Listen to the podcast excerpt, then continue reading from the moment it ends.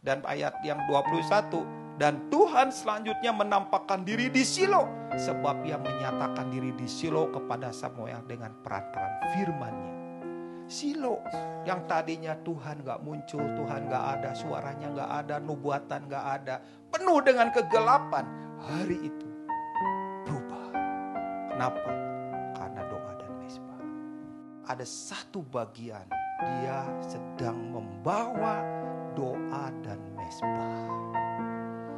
Mesbah itu bukan sesuatu yang gampang. Mesbah itu selalu melibatkan hati dan menyembelih hati.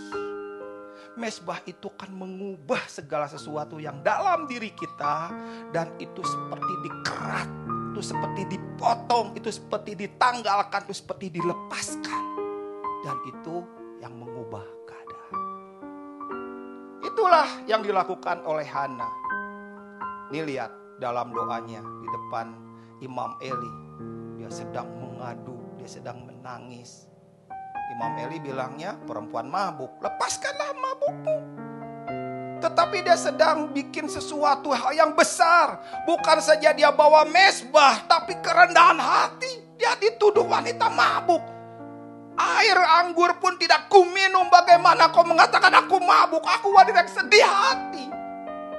Nggak nyengal-nyengal. Dia nggak tidak memberontak dan tidak berbantah-bantah dengan Imam Eli. Tapi dia bilang, aku wanita yang sedih hati.